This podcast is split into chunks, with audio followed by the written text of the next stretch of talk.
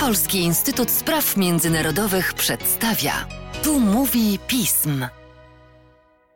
Przy mikrofonie Mateusz Józwiak, a razem nam Agnieszka Legucka, analityczka oraz ekspertka Polskiego Instytutu Spraw Międzynarodowych do spraw Rosji. Cześć Agnieszko, dzień dobry Państwu. Dzień dobry Państwu, cześć Mateusz. Spotykamy się dzisiaj, by porozmawiać o kwestii wizerunku i tego, jak traci i zyskuje na wojnie Rosja i rosyjskie elity. Okazuje się przecież, że dla rosyjskiej władzy rozpętanie wojny może być doskonałą okazją do wzmocnienia swojej wewnętrznej pozycji, co jednak zaskakuje efekty tych działań, wzmacniają też pewne aspekty dyplomatyczne i wizerunek rosyjski na świecie, w tym wśród niektórych państw zachodnich. Skąd taka taktyka? Rosyjskie elity są przekonane o skuteczności swoich działań w Ukrainie. Dlaczego ta wiara w zwycięstwo jest tak ważna? Może bym powiedziała tak, że rosyjskie elity nie są do końca przekonane o zwycięstwie Rosji w Ukrainie, ale uznały, że skoro już Władimir Putin podjął decyzję o wojnie w Ukrainie, to tę wojnę należy wygrać i ta wojna musi być zwycięska. Więc pomimo tego, że wcześniej, przed wojną były różne opinie na temat tego, czy ta wojna w ogóle wybuchnie, czy tylko Władimir Putin blefuje, no podobne też opinie były na Zachodzie.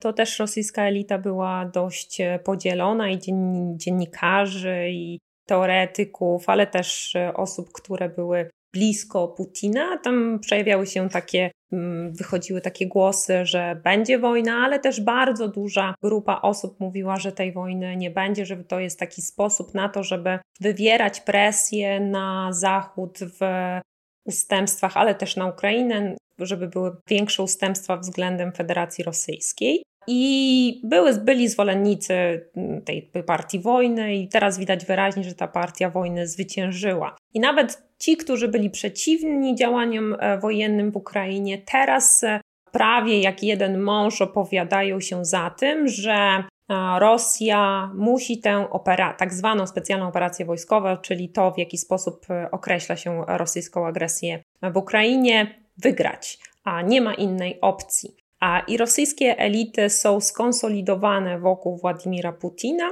One się dzielą na pewne grupy. Jest grupa bardziej partii wojny, byśmy tak ją określili, może nie po, po polsku, ale chodzi o to, że jest e, grupa, która mówi o tym, że Ukrainę, że mi, militarna operacja nie idzie tak jak powinna i trzeba by było e, zastosować większą siłę militarną względem całej Ukrainy by, bylibyśmy to powiedzieli, że to jest jakaś partia wojny bis, ale są też zwolennicy tego podejścia bardziej pokojowego przy zastosowaniu przekonania, że a te zdobycze terytorialne e, wystarczą i trzeba by było pójść po już e, takie znane z wcześniejszych mechanizmów rosyjskich, e, czyli zacząć myśleć o tym, że skoro rosyjski pewien potencjał militarny się wyczerpuje i jest ograniczony do e, osiągnięcia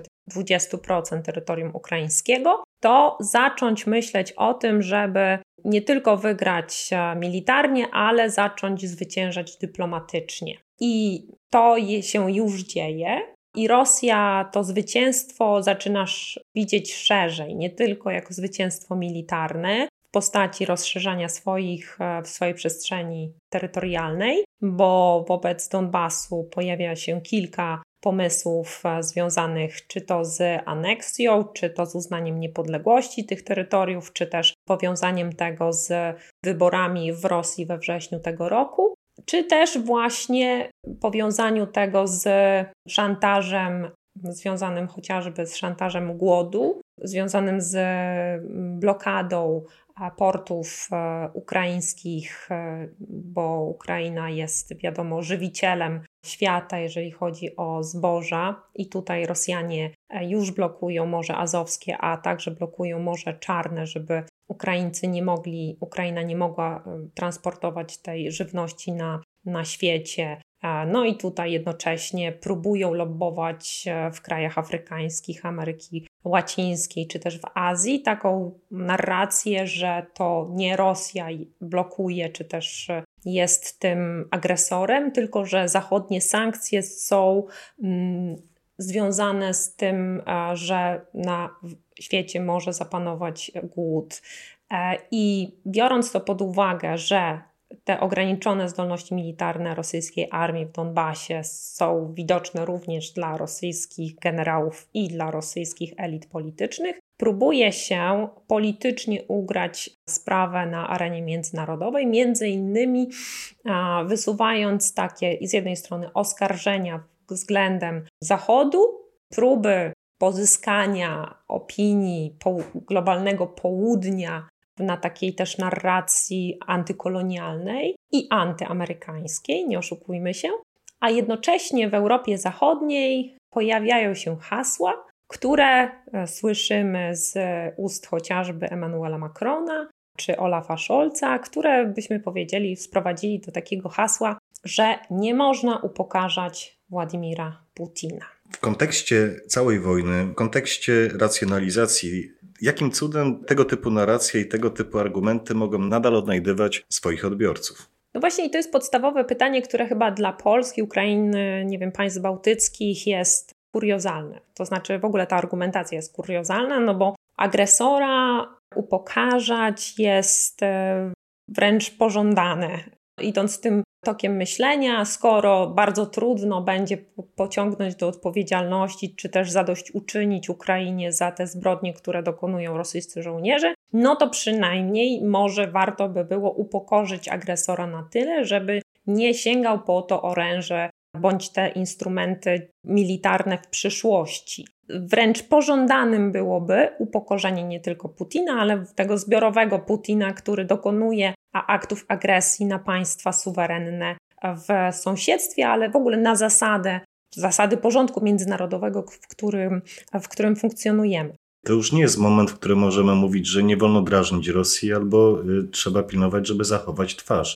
No właśnie, i tutaj też mamy takie analogie historyczne, czy kiedykolwiek Hitlera nie chciano upokorzyć, prawda? Jak Charlie Chaplin, dyktatorze, choć w tym wypadku bardziej ośmieszyć niż upokorzyć. On go chciał go ośmieszyć. My nie chcemy ośmieszać Władimira Putina, tylko wyraźnie mu dać do zrozumienia, że agresja na każde inne państwo w przyszłości spotka się z podobną albo jeszcze większą odpowiedzią, ważniejszą, gorszą odpowiedzią ze strony kolektywnego Zachodu.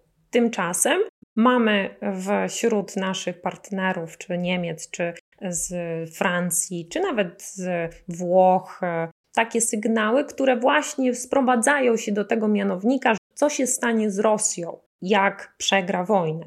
Ta perspektywa jawi się nam jako niezrozumiała, ale wynika też z kalkulacji politycznych, wynikających z jednej strony z wewnętrznych uwarunkowań, a związanych z, po pierwsze ze zmęczeniem wojną, z odległości geograficznej od tej wojny, po trzecie z takich elementów, które związane są poniekąd z wojną, czyli rosnących cen a surowców energetycznych, wpływających na to oczywiście inflacji i tego, że wyborcy zaczynają się interesować już mniej sprawą ukraińską, ale właśnie kwestią wewnętrznych spraw ich portfeli. A i chociażby elita polityczna w Niemczech zaczyna się już bardziej skłaniać do obaw wyborców niemieckich związanych z tymi elementami ekonomicznymi, niż kwestią właśnie ukraińską. Jakby długoterminowo zaczynają kalkulować, że at the end of the day, jak to się mówi, czyli pod koniec dnia, trzeba będzie się w jakiś sposób ułożyć z tą Rosją, która jest. I to jest pierwszy argument wewnętrzny, a drugi to jest międzynarodowy, który wynika z także innej pozycji międzynarodowej, byśmy powiedzieli Niemiec, Włoch, a w szczególności chyba Francji, która chce cały czas pełnić taką rolę przywódczą w świecie, pokazując, że daje radę w regulacjach konfliktów międzynarodowych i móc rozmawiać z Rosją w którymś momencie, być może za którymś te, e, telefonem, Władimir Putin będzie gotowy do rozmów w sprawie regulacji tego konfliktu rosyjsko-ukraińskiego, który my oczywiście używamy terminologii agresji rosyjskiej w Ukrainie. No ale cóż, póki taki telefon nie miał miejsca, chyba pora zadać już ostatnie pytanie i zastanowić się nad tym, Co w takim razie może nas czekać w najbliższych tygodniach i miesiącach? Trzeba zaznaczyć bardzo wyraźnie, że od momentu nowej agresji pełnoskalowej Rosji, Ukraina ma niezwykle rozwiniętą i bardzo skuteczną komunikację strategiczną mm, z, na świecie. To nie tylko w Europie, nie tylko w Ukrainie, ale też w Stanach Zjednoczonych. To w jaki sposób buduje wizerunek też Wołodymyra Zełańskiego, ale też Ukraińców, którzy udowodnili, że chcą okrzepnąć jako niepodległe państwo, że nie są częścią Rosji, że walczą swoje, swoje terytorium. To jest coś, co odbywa się na wielu, wielu poziomach w kwestiach i kulturowych, e, i sportowych, i edukacyjnych. Ukraińcy się znakomicie potrafią w tym odnaleźć i te, zbudować tę narrację w konfrontacji do rosyjskiej dezinformacji i propagandy, to trzeba podkreślić. Druga rzecz, o której, e, o której e, rozmawiamy, czyli tej długoterminowej, to niestety jest, działa na korzyść Rosji czas. Czas, który Rosjanie kalkulują w kontekście militarnej politycznej i gospodarczego wyniszczenia państwa ukraińskiego, bo nawet jeżeli będą okupować 20% terytorium Ukrainy, mają możliwości skutecznego wykańczania Ukrainy jako państwa biorąc pod uwagę to, że mogą z małego skrawka terytorium Ukrainy terroryzować całe państwo ostrzałami artyleryjskimi, bombardowaniami, kradzieżą żywności, strachem wobec ludności, ale co za tym idzie, oczywiście ograniczenie możliwości inwestowania zagranicznego biznesu w tym państwie i w miarę możliwości, tak, to jest celem oczywiście Rosji, próbą osłabnącego wsparcia ze strony Zachodu i politycznego, i gospodarczego. I to, na czym bardzo Rosji też zależy, żeby we wrześniu, październiku, kiedy będzie potrzebne zapotrzebowanie na energię, Europa jeszcze bardziej obudziła się, bo tak to Rosjanie określają, że potrzebuje e, energii ze strony Rosji. Te wszystkie embarga, ograniczenia, które teraz są wprowadzone w ramach pakietu, chociażby szóstego pakietu sankcji, zaczęły się kruszyć w momencie, kiedy zacznie się perspektywa chłodu w Europie. I ten moment też, na ten moment czekają Rosjanie, że Europejczycy złożą Europa Zachodnia, prawdopodobnie to na, na, najbardziej liczy na to Rosja, złoży lepszą ofertę dla Władimira Putina. Szanowni Państwo, o tym, czy Putin z tej wojny wyjdzie z twarzą, przekonamy się za miesiące, choć wydaje się, że będzie ona mocno poobijana. Do tego czasu przyjdzie nam jeszcze nie raz porozmawiać z Agnieszką. A tymczasem dziękuję Ci za dzisiejszy podcast. Ja również dziękuję. Państwa zaś zachęcam do śledzenia naszej strony internetowej, czytania najnowszych biletynów i komentarzy, śledzenia mediów społecznościowych, także naszego kanału na YouTube. Z mojej strony to wszystko. Dziękuję Państwu za uwagę i do usłyszenia.